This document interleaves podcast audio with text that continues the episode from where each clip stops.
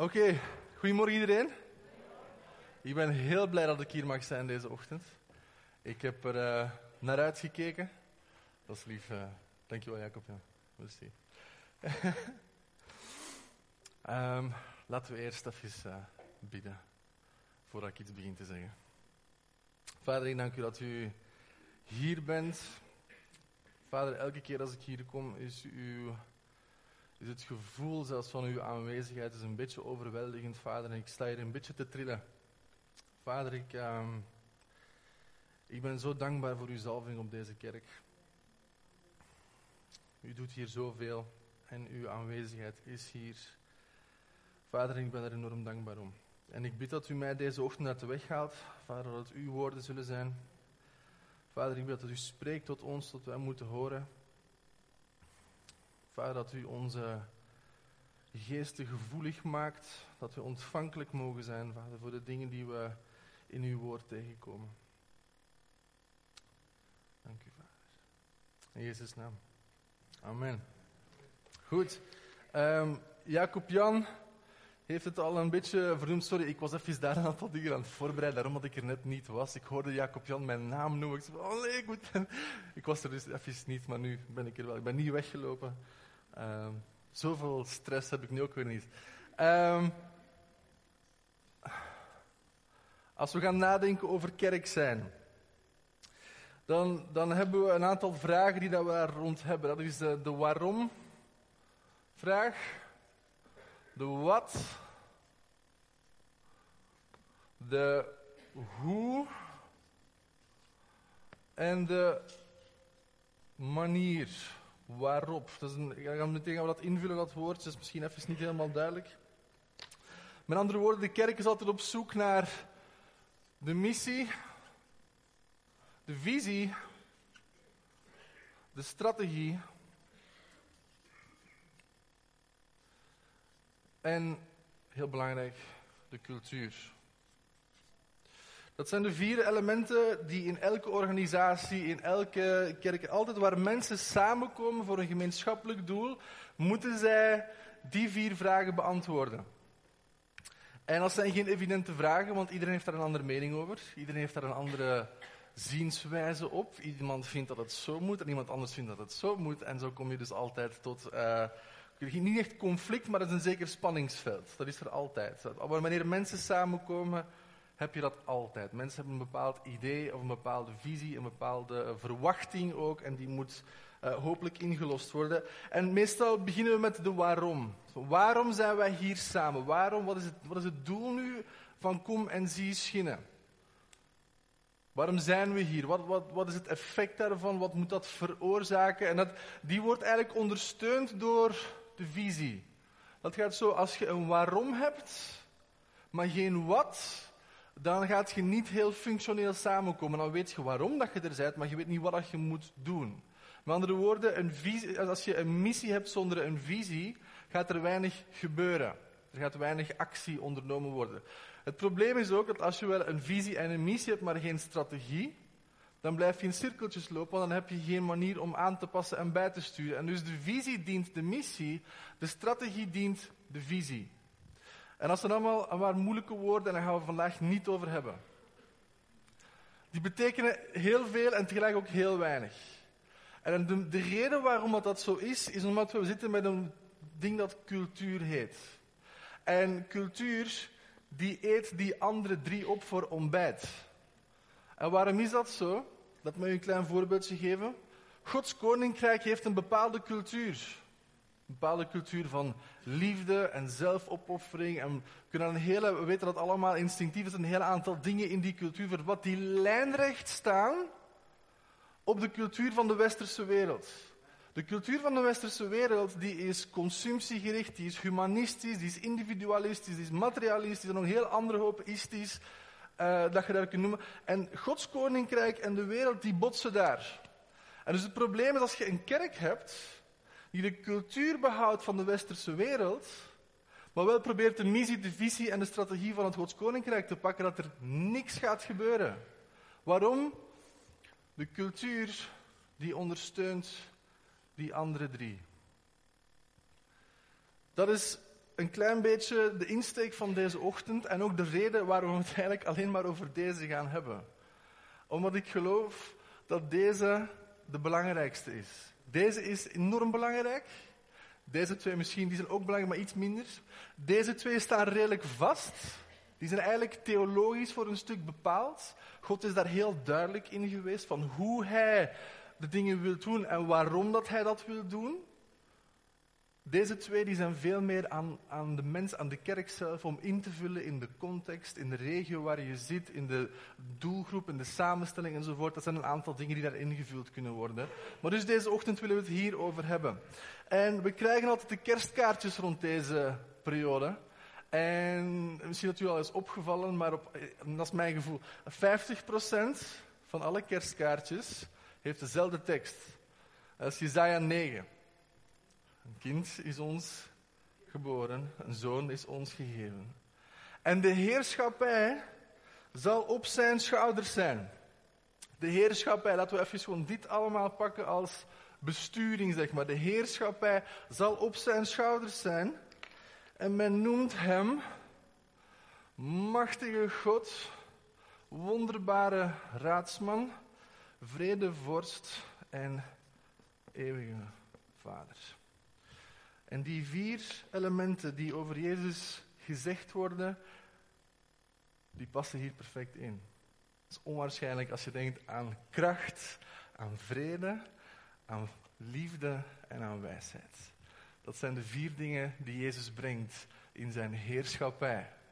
En dan staat er dat aan de uitbreiding van die heerschappij en aan de vrede komt geen einde. Dat tweede deel haalt het kerstkaartje meestal niet, maar het staat er echt in. 9 vers 6 of vers 7, een van de. Aan de uitbreiding van zijn heerschappij komt geen einde. Dat woordje uitbreiding, dat staat er in het Oude Testament. Weet je dat je dat in het Nieuwe Testament, wordt dat woord uitbreiding, wordt eigenlijk vervangen door het woord kerk. De kerk is hetgene wat ervoor zorgt dat die uitbreiding van zijn heerschappij, dat daar geen einde aan komt. De afgelopen 2000 jaar zijn daar een sprekend bewijs van. Het was niet altijd perfect, maar effectief aan de uitbreiding van zijn heerschappij doorheen de kerk is geen einde gekomen. En dus gaan we deze ochtend hierover hebben.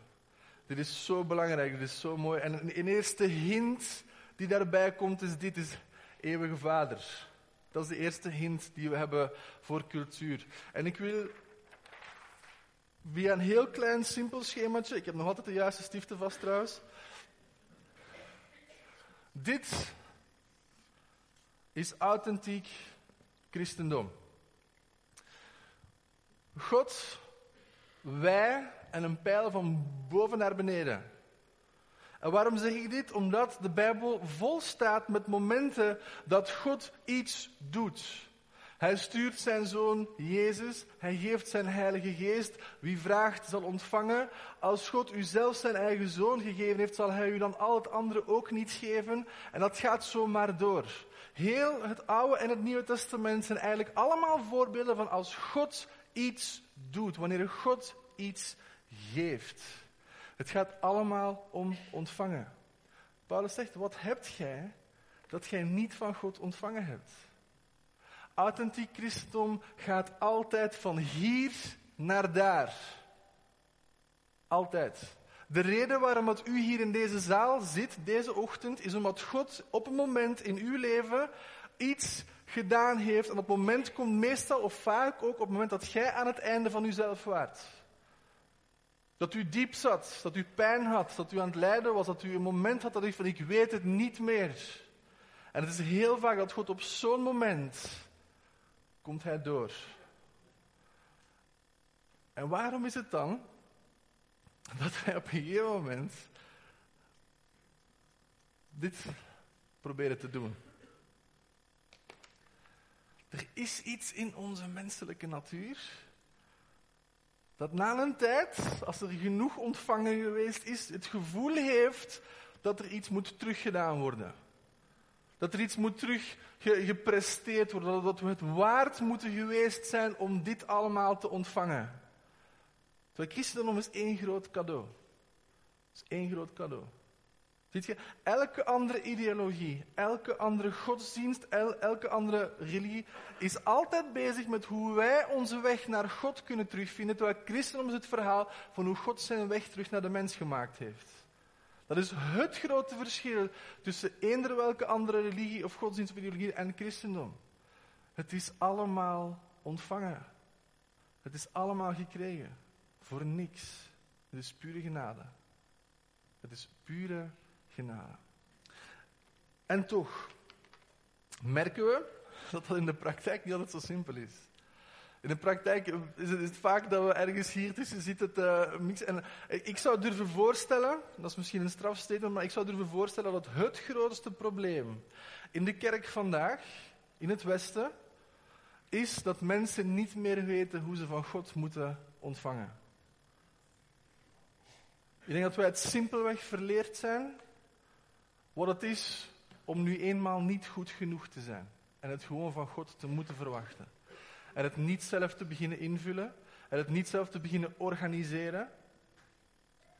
Het, verhaal gaat, denk dat met Billy Graham was, die een van zijn, uh, een, van een, een, een, een pastor van een Chinese ondergrondse kerk. Het was niet Billy Graham, het was iemand anders, ik weet niet meer wie het was. En uh, hij heeft hem de tour van de gebouwen in de kerk in Amerika en de diensten en de dit en de dat enzovoort. En hij vraagt van, wat vind je van de kerk in Amerika? Waarop die Chinese man antwoordt van, het is ongelooflijk wat jullie allemaal kunnen doen zonder de Heilige Geest. En dat is misschien heel straf uitgedrukt, maar ik zou durven zeggen dat dat ergens het stukje waarheid raakt van we zijn in het Westen zo gewend geraakt om het allemaal zelf op te lossen. En als de geest er niet is, dan vinden we wel een pseudo-iets. We vinden wel een vervanging daarvoor. We vinden wel een structuur of een organisatie of een model of een methode of een programma of een... We vinden wel iets waar we ons terug mee kunnen bezighouden. Maar dat is niet hoe dat God het bedoeld heeft. Zegt hij niet not by power, nor by might, but by my spirit. Niet door methodes of modellen of programma's of muziek of weet veel, maar door mijn geest, zegt de Heer. En dus dat is iets dat we misschien terug moeten pakken als we het over cultuur hebben. Het is allemaal gekregen.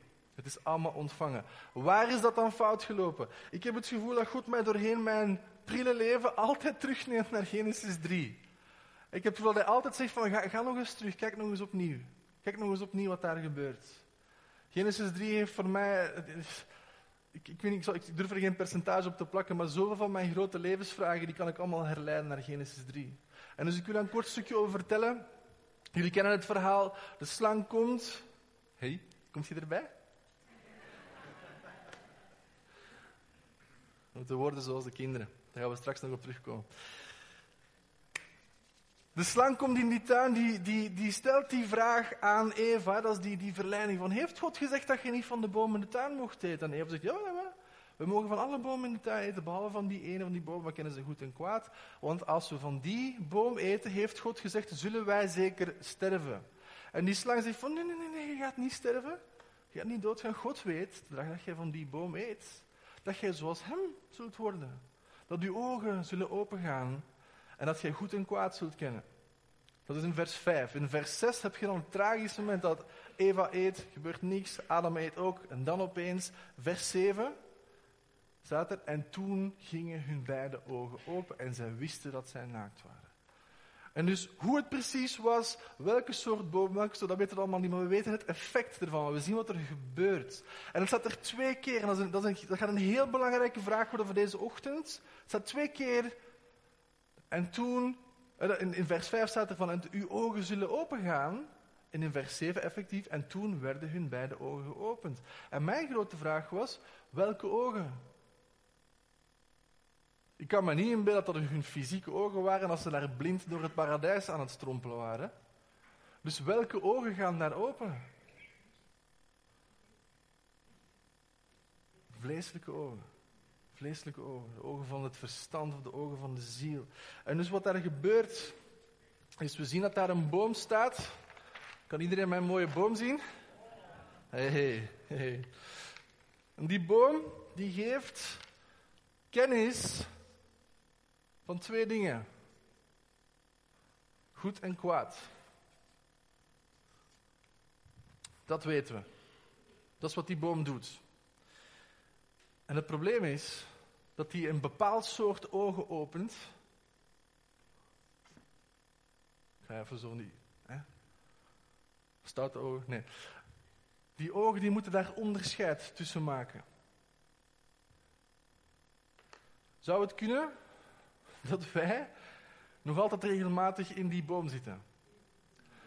Nee? gewoon, een, gewoon, een voorstel, gewoon een idee. Als we, als we kijken naar de politiek. Zeker in België, op dit moment is chaos. De regering is gevallen. Er misschien vervroegde verkiezingen, misschien in. Waar komen ze niet overeen? Over het Marrakesh-pact, over migratie, over dit of dat. We komen er niet overeen met de verschillende partijen wat nu kwaad is en wat nu goed. We kijken naar de culturele sector, naar de politiek, naar de economie. We komen er heel moeilijk met elkaar over uit wat dat kwaad is, wat dat goed. En dus we maken in ons hoofd maken we een hele lijstje van dit is allemaal kwaad, kwaad, kwaad, kwaad, kwaad, kwaad, kwaad. Dit is allemaal goed, goed, goed, goed, goed, goed. En als we het daarover eens zijn, dan kunnen wij samen een partij vormen en dan gaan wij voor dezelfde goede zaak. Voor sommige mensen staat abortus, euthanasie aan deze kant. Dat is voor hun een goede zaak. Ik kan me daar niet in vinden, voor mij is dat kwaad.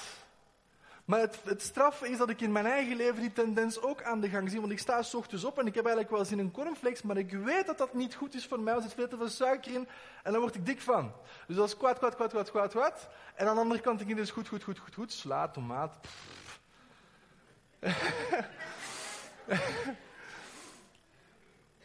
Mijn kinderen zijn twee en vier jaar oud en die beginnen dat ook te doen. Dus ik kwad, kwad, kwad, kwad, kwad, kwad. Goed, goed, goed, goed, goed, goed, goed. Het lijkt wel ingebakken. In de kerk doen we het ook. Ik, heb, ik werk met tieners en met jeugd. En mijn tieners zitten in verschillende kerken en zitten meestal helemaal achteraan in de zaal. En die weten dat perfect is. Als ik mee ga staan, dat is goed. Als ik mee klap, is goed. Als ik meezing, is goed. Als ik mijn handen in de lucht steek, heel goed. Als ik luid op durf te binnen in de kerk, oh, heel goed. Heel, heel, heel goed. Ze weten ook, blijven zitten, niet goed. Op mijn smartphone zitten, helemaal niet goed. Niet luisteren naar de preek van Matthias de Marel, oelalalala. Helemaal niet goed. Helemaal niet goed. In de kerk doen we het ook. We doen het ook. We maken onze lijstjes van kwad, kwad, kwad, kwad, kwad, kwad. Goed, goed, goed, goed. En dus er wordt hier in Genesis iets in gang gezet. Er wordt hier iets, en, en als je, het is mij nog nooit opgevallen daarvoor, maar ik zie een spoor doorheen mijn Oude en Nieuwe Testament dat rechtstreeks naar dit verwijst. Naar die ogen die opengaan.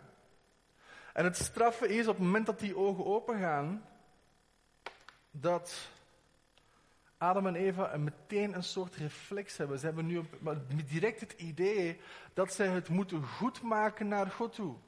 Die schaamte die overvalt hen en zij van opeens gaan ze kleren maken en gaan ze proberen iets te ondernemen om het terug goed te maken met God. En dus wat zien we op het moment dat die ogen open gaan? Iedereen doet het, ofwel gaan mensen in rebellie Ofwel zoeken mensen religie.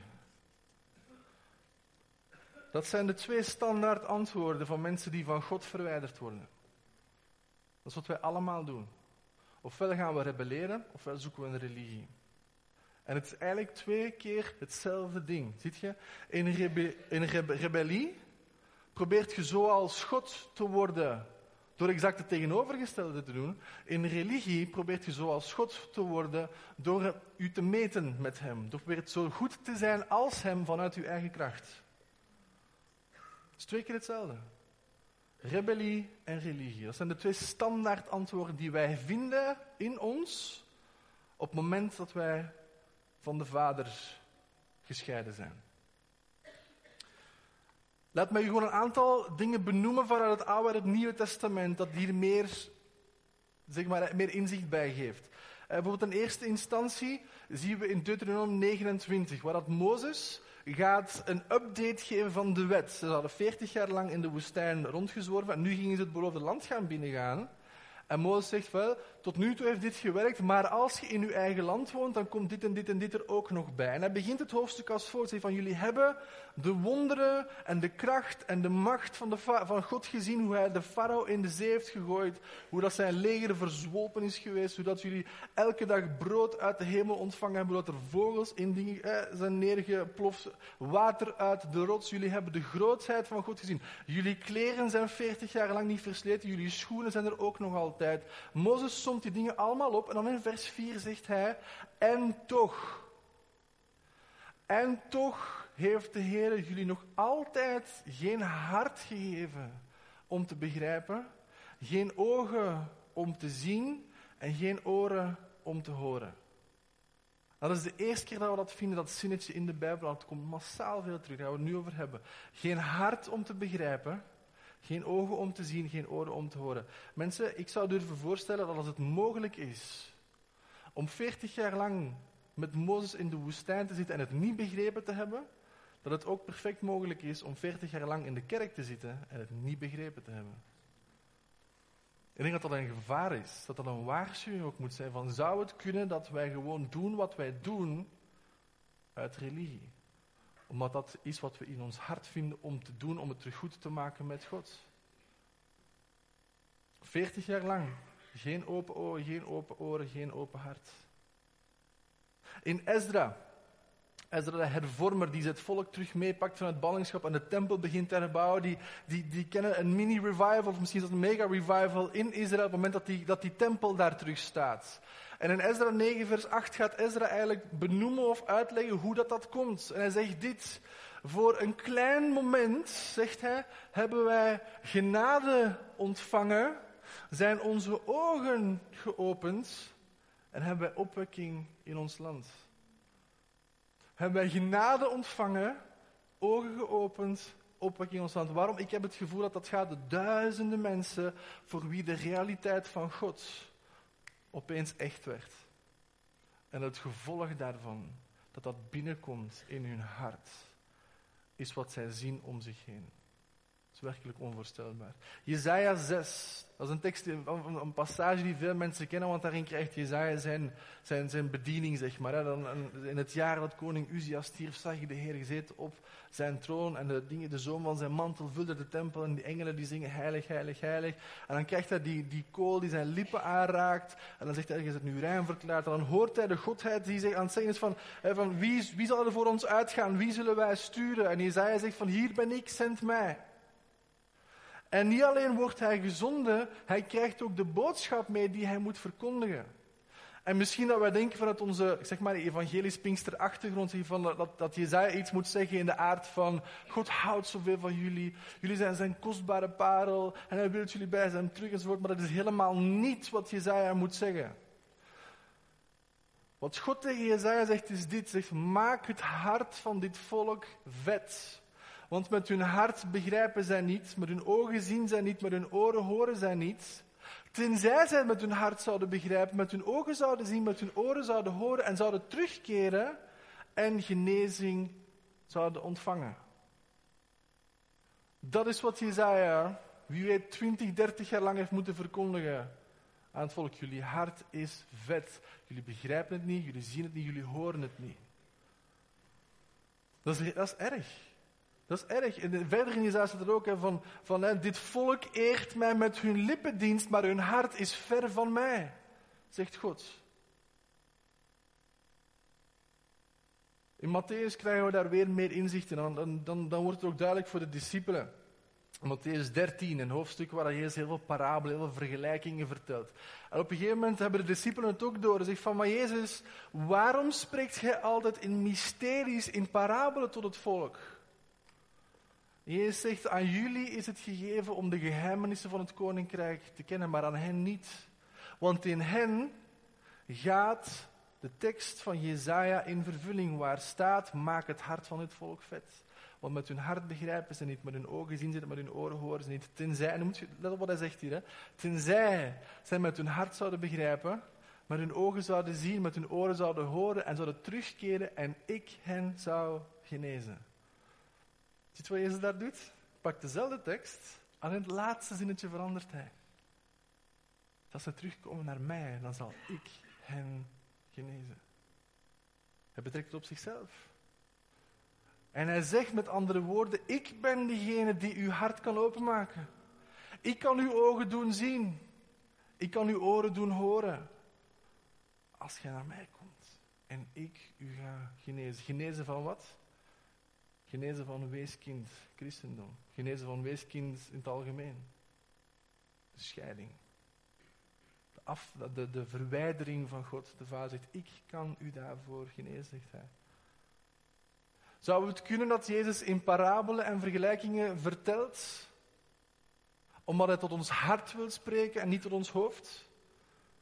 Waarom vinden wij in het Nieuwe Testament nergens een lijstje van tien dingen om te doen om een fijne christen te zijn? Vijf dingen voor een krachtig gebedsleven. Waarom zegt Jezus nooit iets over drie dingen over gebed? Nee, hij doet dat niet. Hij vertelt verhalen om tot ons hart te spreken, om te, misschien om te vermijden dat wij vanuit hier zijn onderwijs zouden beginnen fileren tussen een goed, goed, goed, goed, goed en een kwaad, kwaad, kwaad, kwaad. Jezus wil tot ons hart spreken. En het doet mij soms pijn, want ik zie dit gebeuren bij mijn tieners of met de jeugd wanneer ik samen werk. Op het moment dat ik hierover over begin te spreken, gaat er bij een aantal de knop uit.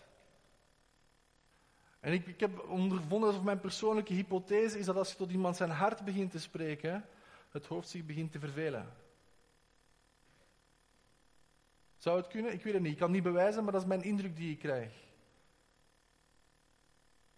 Als uw hart niet open is, als uw ogen niet open, als uw oren niet, dan kun jij niet ontvangen. Je kunt niet ontvangen van God. Uw hart is toe, hart is gesloten. In handelingen, zowel handelingen 26 als 28, komt die tekst uit Jezaja nog eens terug. In 26 is dat als, als Paulus voor Agrippa staat en Agrippa, koning Agrippa die vraagt van ja, Paulus, hoe is dat hier eigenlijk terechtgekomen? En Paulus begint uit te leggen van, ik werd van mijn paard gegooid, ik hoorde een stem. En, en, dan, en dan lezen we iets wat we in Handelingen 9 niet lezen, maar wel in Handelingen 26. Dat Jezus tegen Paulus zegt, zegt en voor dit doel heb ik u geroepen.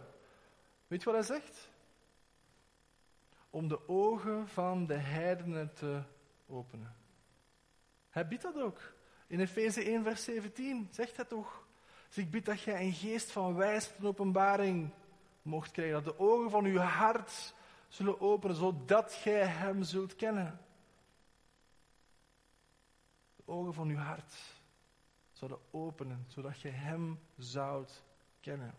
In Handelingen 28 Net hetzelfde. Hij daar in Rome met een aantal mensen aan het spreken en dan zegt hij nogmaals van, sommigen begrijpen het niet, sommigen pakken het echt niet. En, en Paulus zegt van, in jullie gaat de tekst van Jezaja in vervulling. Jullie zien niet, jullie horen niet, jullie begrijpen niet. Tenzij jullie zouden zien, horen en begrijpen. Zouden terugkeren en God jullie zou genezen.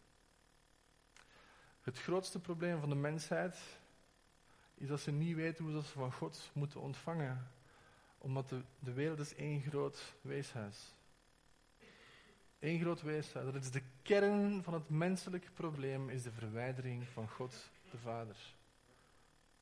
Er is geen enkel verhaal dat dat beter illustreert dan een verhaal dat we allemaal kennen.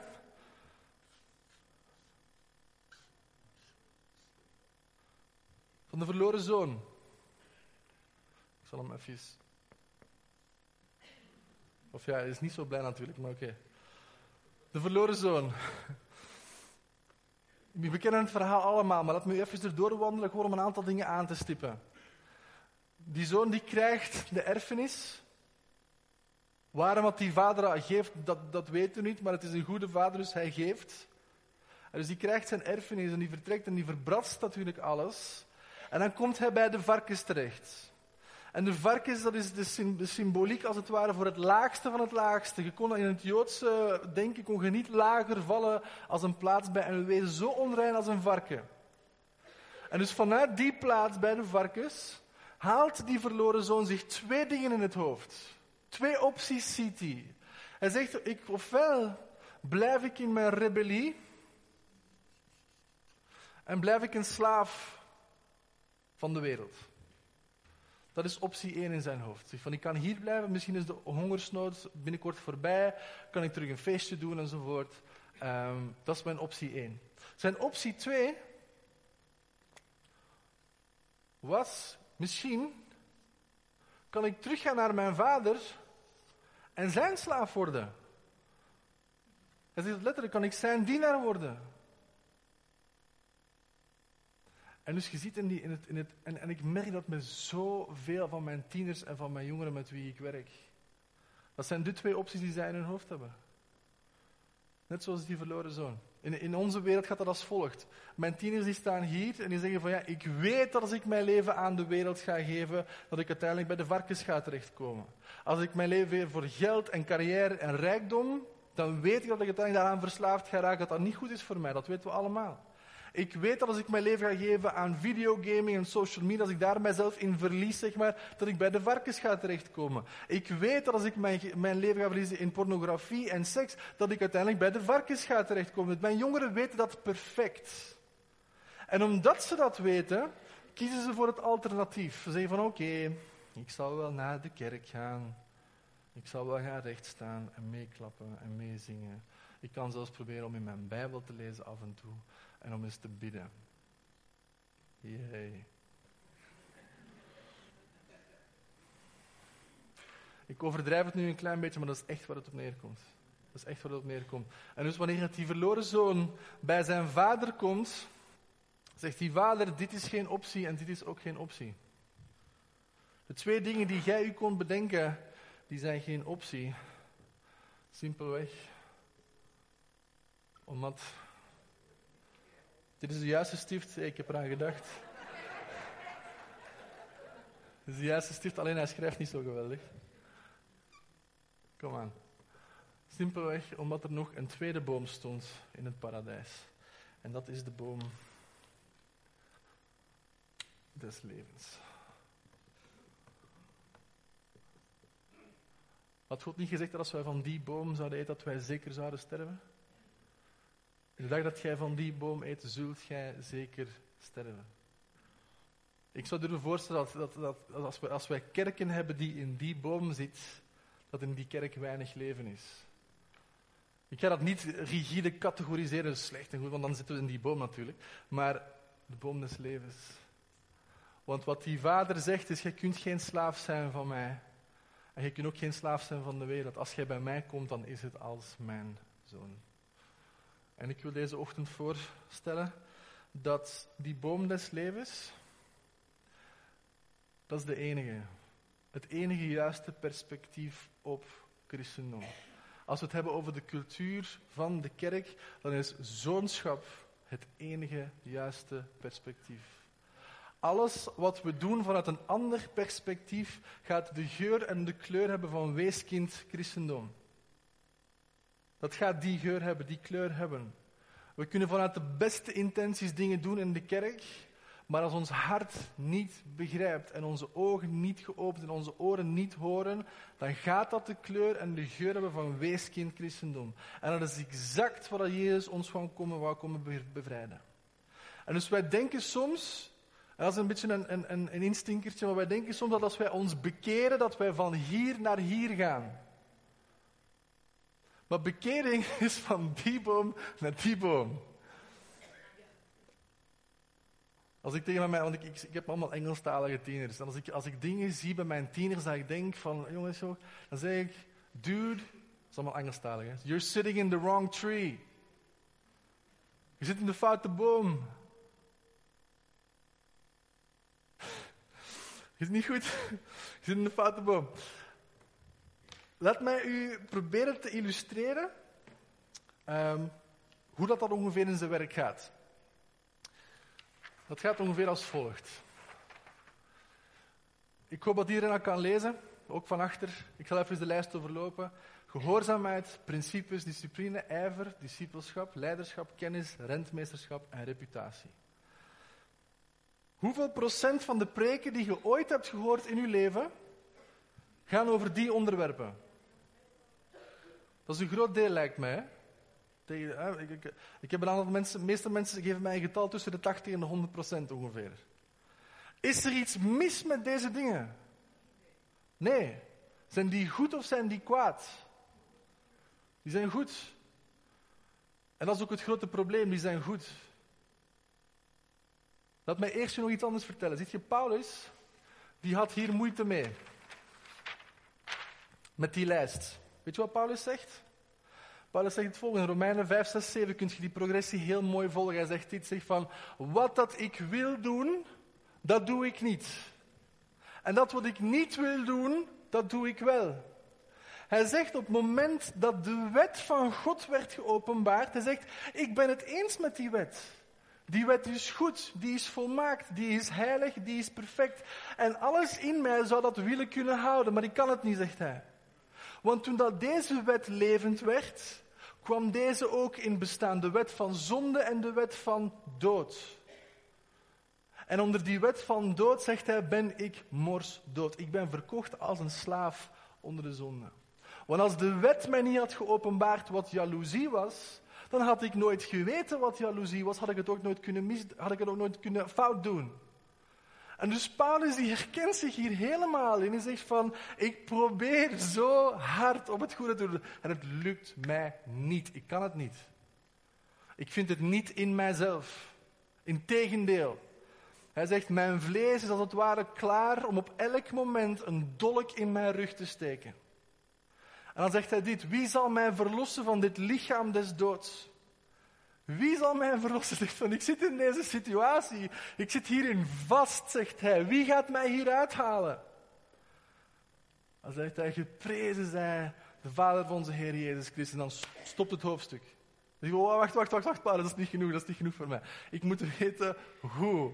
Ik, en je kunt moeilijk zeggen van, wie gaat mij verlossen van, van dit lichaam des doods? Dank u Jezus, amen. Dat is hoe het hoofdstuk stopt, bij wijze van spreken. Dank u, Paulus, voor hoofdstuk 8. Want for there is now no more condemnation. Er is nu geen veroordeling meer voor hen die in Christus Jezus zijn. Want hij zegt, dat, dat is iets wat we niet hadden kunnen begrijpen. Hij zegt, de wet van de geest maakt een einde aan de wet van zonde en dood. Wie had dat zien aankomen? We hebben allemaal twee opties in ons hoofd. We hebben twee wetten die we kennen. En Paulus zegt, er is een derde. Er is een derde wet. De wet van de geest. En in Galaten schrijft hij over de geest. Zegt hij, de vruchten van de geest zijn liefde, vrede, blijdschap, langmoedigheid, zachtmoedigheid, zelfbeheer. En hij maakt de hele lijst. En dan zegt hij dit. Tegen dingen zoals deze keert de wet zich niet.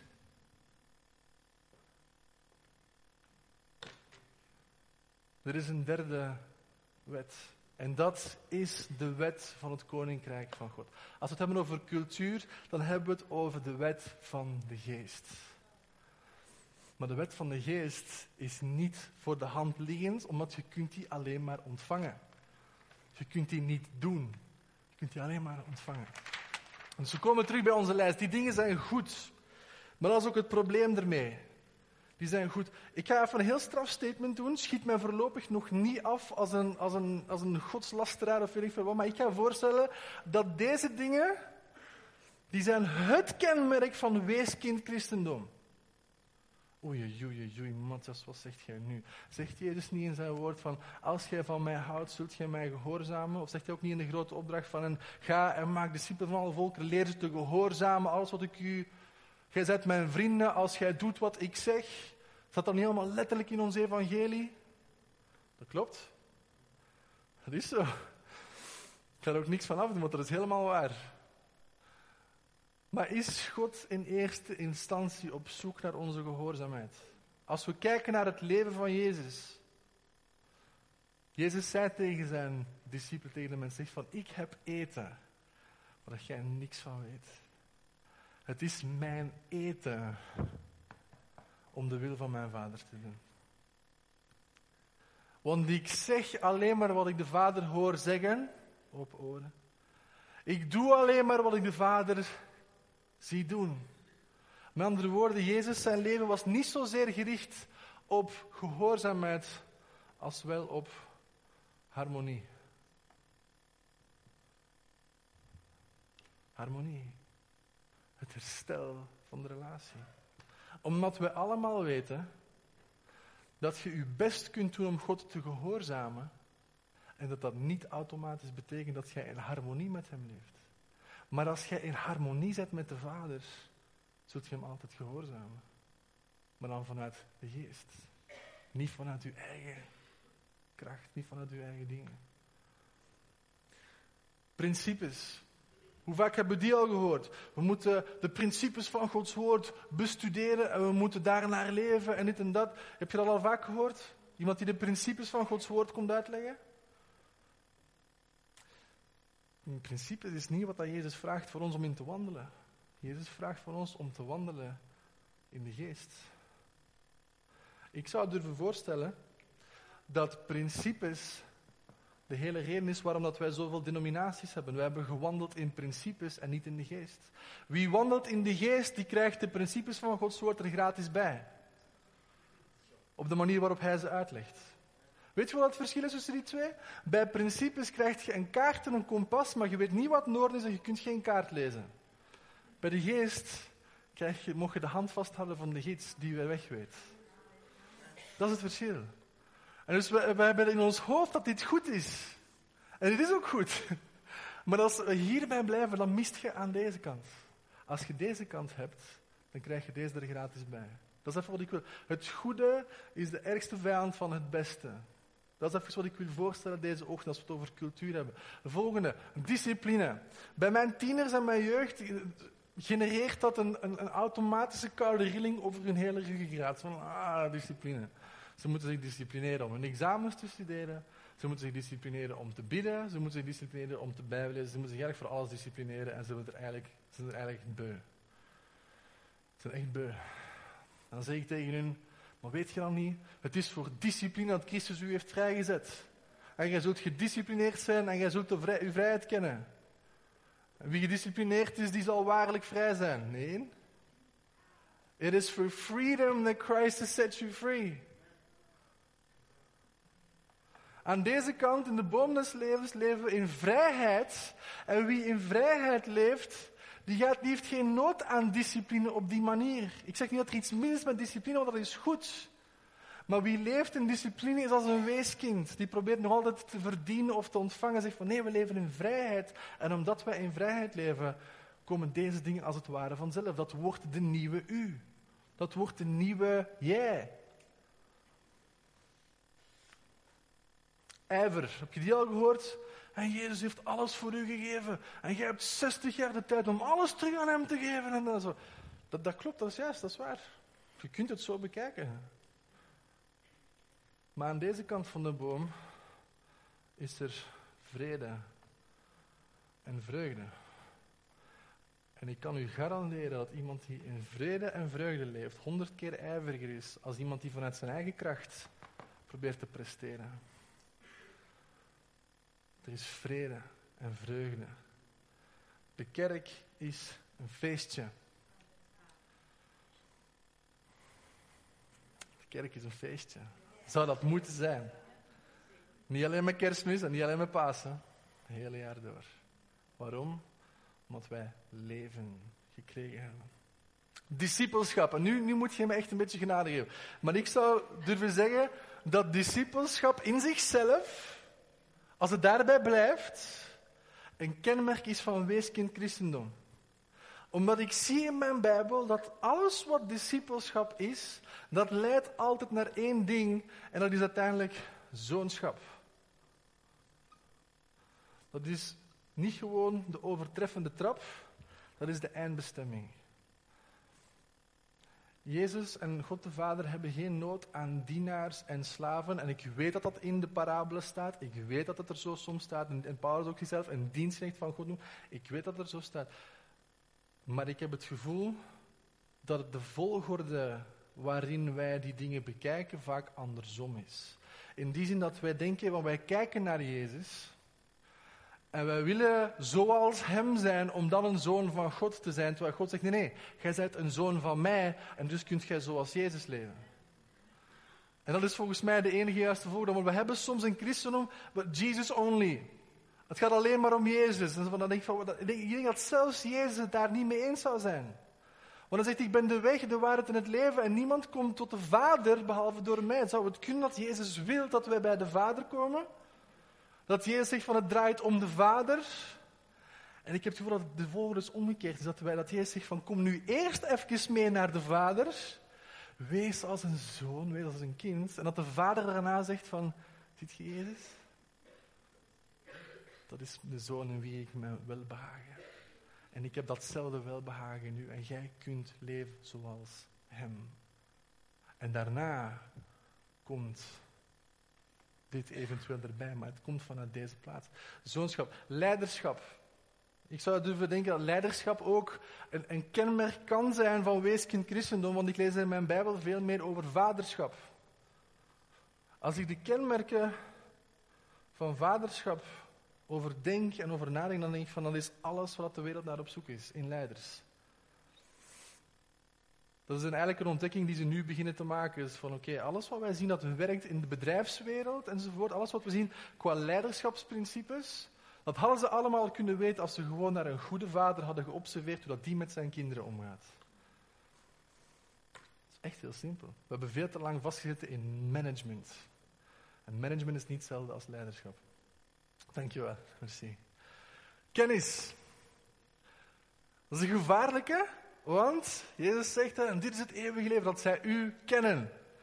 En dus kennis wordt een groot ding. Hè? Degene die het beste, de meeste theologie gestudeerd heeft, die zijn diploma heeft en die eh, de, het beste de Strongs, concordantie en zo erbij kan, die mag het van voorkomen uitleggen. Wel, ik, heb, ik moet u teleurstellen, ik heb geen theologisch diploma. Ik heb nog niet heel vaak Strongs concordantie open gedaan. Als je nu zorgen begint te maken, dat mag. Maar ik zou durven zeggen dat kennis in zichzelf, knowledge puffs up. Kennis blaast op. Wat wij nodig hebben is openbaring. Wat wij nodig hebben is openbaring van Gods vaderhart. En de genezing ontvangen die daar te vinden is. Rentmeesterschap, een van mijn persoonlijke favorieten. Zeker in België wordt rentmeesterschap vaak gepredikt als volgt. Van, en zelfs Paulus was een tentmaker om in zijn eigen onderkomen te voorzien. En een wijs man, die laat een erfenis na voor de kinderen van zijn kinderen. Dus met andere woorden, je moet zoveel mogelijk op je spaarboekje zetten. Weet je dat België wereldkampioen sparen zijn? Wij hebben spaarboekjes, dat is niet normaal. Niet normaal. Dat zijn miljarden. Gewoon te staan op spaarboekjes. Ik weet niet meer hoeveel, maar het is een gigantisch... Ik, denk, het kan fout zijn, ik het misschien beter niet zeggen. 260 miljard als ik me niet vergis, maar het kan, kan fout zijn. Het is een enorm bedrag. Gewoon geparkeerd. En dat is dan zelfs zonder de Cayman-rekening enzovoort erbij natuurlijk. Hè, want, ja. ja, dat is een ding in België. Sparen. Rentmeesterschap. Je moet wijs omgaan met je bezittingen en met je geld. En zien dat je hè, een appeltje voor de dorst houdt in tijden van nood. Dan denk ik van wauw. Als God met ons zou omgaan op een manier van rentmeesterschap. Dat is niet wat hij doet, hè? Hij is vrijgevig. God geeft en geeft en geeft en geeft. En dan geeft hij nog een beetje. Until my cup overflows. Vrijgevigheid. is niet hetzelfde als rentmeesterschap. Rentmeesterschap is goed. Maar dat is het probleem met rentmeester. Dat is goed. Dat is niet geest. Reputatie. Misschien dat je die ook al hoort van je, mocht, je moet zien dat je geen aanstoot geeft dat je niet een broeder ten val brengt, dat je, niet, dat, dat, dat je onberispelijk bent in je karakter enzovoort. Reputatie is vermoeiend, lieve mensen. Mensen kunnen altijd iets vinden om over u te zeggen. Ze kunnen altijd wel een fout vinden. En dus reputatie is een probleem. En ik zie dat in het leven van Jezus, die had lak aan reputatie. Ik kan me zelfs inbeelden dat de discipelen bij momenten enorm um, hebben staan trillen op hun benen vanwege het gebrek aan waardering voor reputatie dat Jezus had. Als hij met de fariseer begon te, te, ja, op hun plaats, we moeten zeggen zoals het is, hè. Jij kent Mozes niet en de geschriften. Als jij Mozes had geloofd, had jij over mij, had jij, mij, had jij Mozes had geloofd, had jij mij ook geloofd, want Mozes heeft over mij geschreven. Hier komt een timmerman uit Nazareth, zonder theologische opleiding. Heel veel openbaring. En die kom even aan de geleerden van die dag. Die jongens waren daar sinds hun zes jaar mee bezig met ganse delen Torah van buiten te leren. En zegt, je, je, je hebt het totaal niet begrepen. Het totaal niet begrepen. Hij had lak aan reputatie. En volgens mij hebben de discipelen serieuze angstmomenten beleefd daarom. Zie je, in, aan deze kant denk je over hoe ik eruit kom. Hoe kijken mensen naar mij? Aan deze kant probeert je gewoon een zegen te zijn. En denkt je na over hoe komen anderen eruit. Hier gaat het over u. Hoe kom ik eruit? Hier gaat het over hoe komen anderen. Hoe kan ik gewoon tot zegen zijn?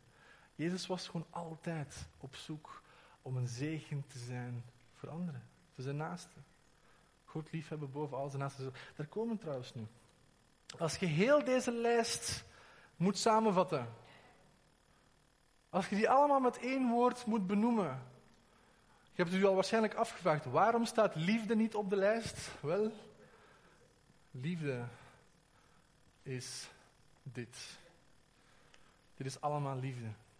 Want wat zegt, wat zegt Paulus? Diegene die lief heeft, heeft de wet vervuld. Het zit hier allemaal in. Degene die lief heeft, heeft de wet vervuld. Maar daarom zegt Jezus, dat is zo grappig als ze hem vragen van, Heere, Rabbi, wat is nu het grootste gebod? Dan zegt Jezus, heb de Heere God lief. Met heel uw hart, heel uw ziel, uw kracht en uw verstand. En heb uw naaste lief als uzelf.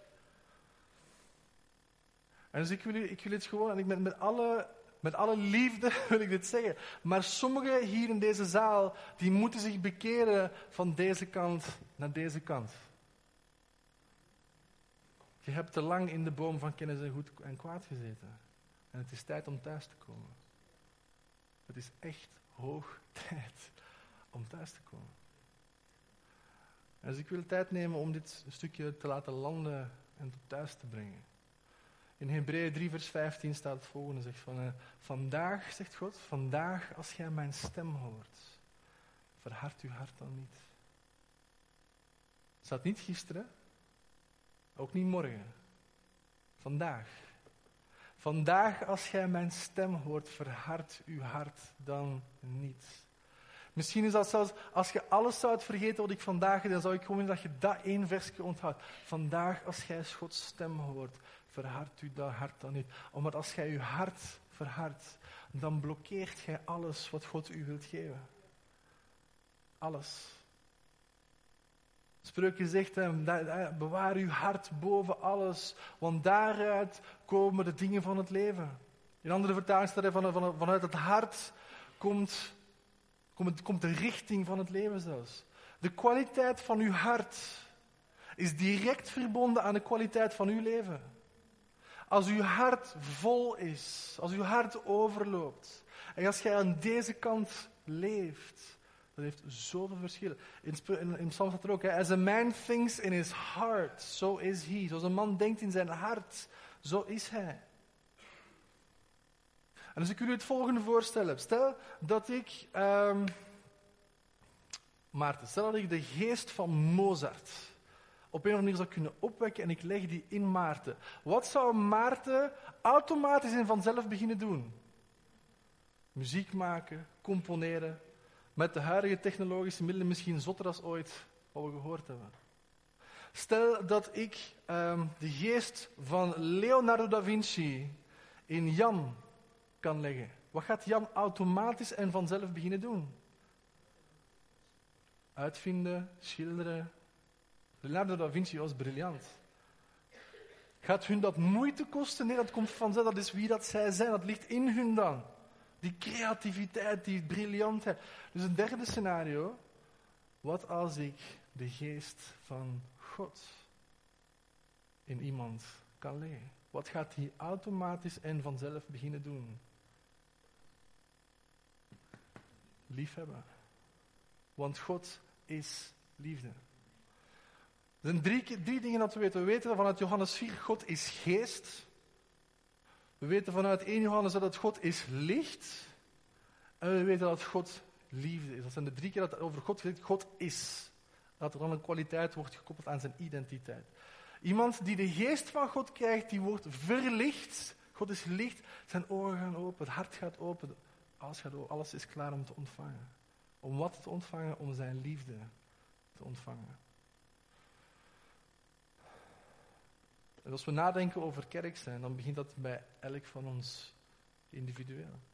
Als ons hart open is, als onze ogen open zijn, dan, dan, zou dan wordt het ook niet meer zo moeilijk om samen te werken. Want dan is er genade, is vergeving, verzoening. En we gaan mensen hun fouten niet zozeer aanrekenen, want iedereen heeft nog af te rekenen met een aantal weeskind-attitudes. We hebben er allemaal last van. Dus we hebben begrip en genade voor iemand in zijn zwakke momenten. Als die dingen zegt of dingen doet, van waar komt dat? Welke plaats is er nog in zijn hart of haar hart, waar dat de liefde van God nog niet alles heeft kunnen genezen? Dat is niet simpel, dat is niet gemakkelijk, omdat het ding is Gods liefde is zoals een waterval, dat, dat stroomt altijd naar de laagste plaats. De dingen die jij het verst hebt weggestoken in je hart. De dingen waarvan jij hebt gezegd van dit mag niemand ooit weten. Ik wil niet dat dit ooit aan het licht komt. Maar op het moment dat jij zegt van God, doe uw werk in mij, dat is de eerste plaats waar hij naartoe gaat. Waarom? Omdat hij wil u genezen. Zodat jij zou terugkeren en je zegt en ik u zou genezen. En dus uw open hart, dat begint heel vaak op het moment dat u 2, 3, 4, 5 jaar oud was. 6, 7, 8, 9 jaar oud was. In uw puberteit. God heeft soms werk met ons. Hij moet daar het vierjarige jongetje nog genezen die last heeft gehad van misbruik in zijn kindertijd.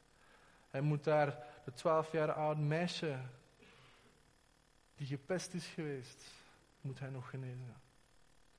En de manier waarop hij dat doet, is door ons hart te openen en ons te vertellen wat hij denkt over ons. Wat hij denkt over ons vanuit deze boom, de boom des levens. En dus zoonschap, nogmaals, is de enige interpretatie, het enige framework voor alles wat hier gebeurt. Als we het vanuit een of welke andere motivatie willen beginnen doen, dan gaat het de geur en de kleur hebben van weeskind christendom. En dat kan niet blijven bestaan. Not by might, nor by power, but by my spirit, says the Lord. Het is door zijn geest, of het is niet. En dus de hele oplossing voor ons ligt erin van hoe kunnen we nu gaan wandelen naar de geest. En het frustrerende is, voor sommigen, dat je kunt dat alleen maar ontvangen. Als God de essentie van wie Hij is in u legt, dan wordt gij zoals God. Niet van het religie of niet van het rebellie, maar omdat Hij u zo maakt. Jij wordt zoals God. Jij wordt een kind van God. En dat is waar het begint, dat is niet waar het eindigt. We denken soms als wij heilig genoeg zijn, als we goed genoeg zijn, als we hard genoeg gewerkt hebben, als we genoeg Bijbel gelezen enzovoort. Nee, nee, nee, het begint daar. Je zet, je zet mijn geliefde kind in wie ik wel behagen heb. En ik wil dat je dat deze ochtend tot in uw geest ontvangt. Er is geen plaats meer voor minderwaardigheid. Er is geen plaats meer voor schaamte of schuld, spijt, verdriet, pijn, afwijzing. Die dingen zijn deel van weeskind. Die dingen hebben geen plaats meer in zonen en dochters. En zou het kunnen dat het daarom is dat Paulus zegt van de hele schepping kreunt en wacht. En dat staat er niet op de openbaring van de christenen. De openbaring van de zonen en de dochters van God. Dat is het einddoel. Dat is waar God het is. Als we dan toch hebben over de waarom, dat is de waarom. God is een vader die zijn familie terug bij elkaar wilt. En de hoe is, we doen het op de manier van zoonschap. En dus wat je kunt verwachten, en ik ga zo meteen nog mijn gebed afsluiten, maar ook voor de komende uh, de donderdagen, de events op donderdag. We gaan dit helemaal beginnen uitspitten, we gaan helemaal beginnen ons daarin te verdiepen van oké, hoe ziet dat eruit? Hoe kunnen we dit samen als kerk gaan uitleven en uitdragen? Omdat als we vervuld zijn vanuit, vanuit de Heilige Geest al deze dingen gaan doen, als we die dingen juist krijgen, dan garandeer ik dat al de rest vanzelf komt. Al de rest komt gewoon vanzelf. Nog voordat we over missie en visie en strategie en structuur, die dingen hebben een plaats, maar die zijn echt secundair aan de wat. Of het de manier, de dingen wat God wilt doen. De dingen hoe dat God ze wilt doen. Dus als we dat pakken, dan kunnen we daarna over de rest beginnen babbelen. En het wonderlijke daarvan gaat zijn dat vanuit de cultuur van Gods koninkrijk gaan alle neuzen toch automatisch dezelfde kant op. Want de geest van God, die wilt hetzelfde door ons heen. Het gaat gewoon bij iedereen een beetje anders uitzien. Om maar een korte dingen weg te geven, als we de cultuur hier hebben, we trekken hier een pijl. We hebben hier de missie, wat God wil bereiken, dat zijn familie terug samen krijgen. Een kleine hint, die pijl, dat is 5Q. Dat is de vijfvoudige bediening. Want de vijfvoudige bediening is niks meer of niks minder als de manier waarop de liefde van de Vader door ons heen tot uiting komt. Voor een wereld in nood. En heeft een aantal dimensies, vijf dimensies, die Jezus ook had in zichzelf. Maar waar begint dat bij? Dit is mijn zoon, in wie ik wel behagen heb. Al de rest komt daarna. We gaan hier beginnen. Dus met dat gezegd zijnde, ik ga voor jullie bidden. En dan geef ik het woord terug aan uh, Jacob Jan. Vader, uw goedheid is onvoorstelbaar.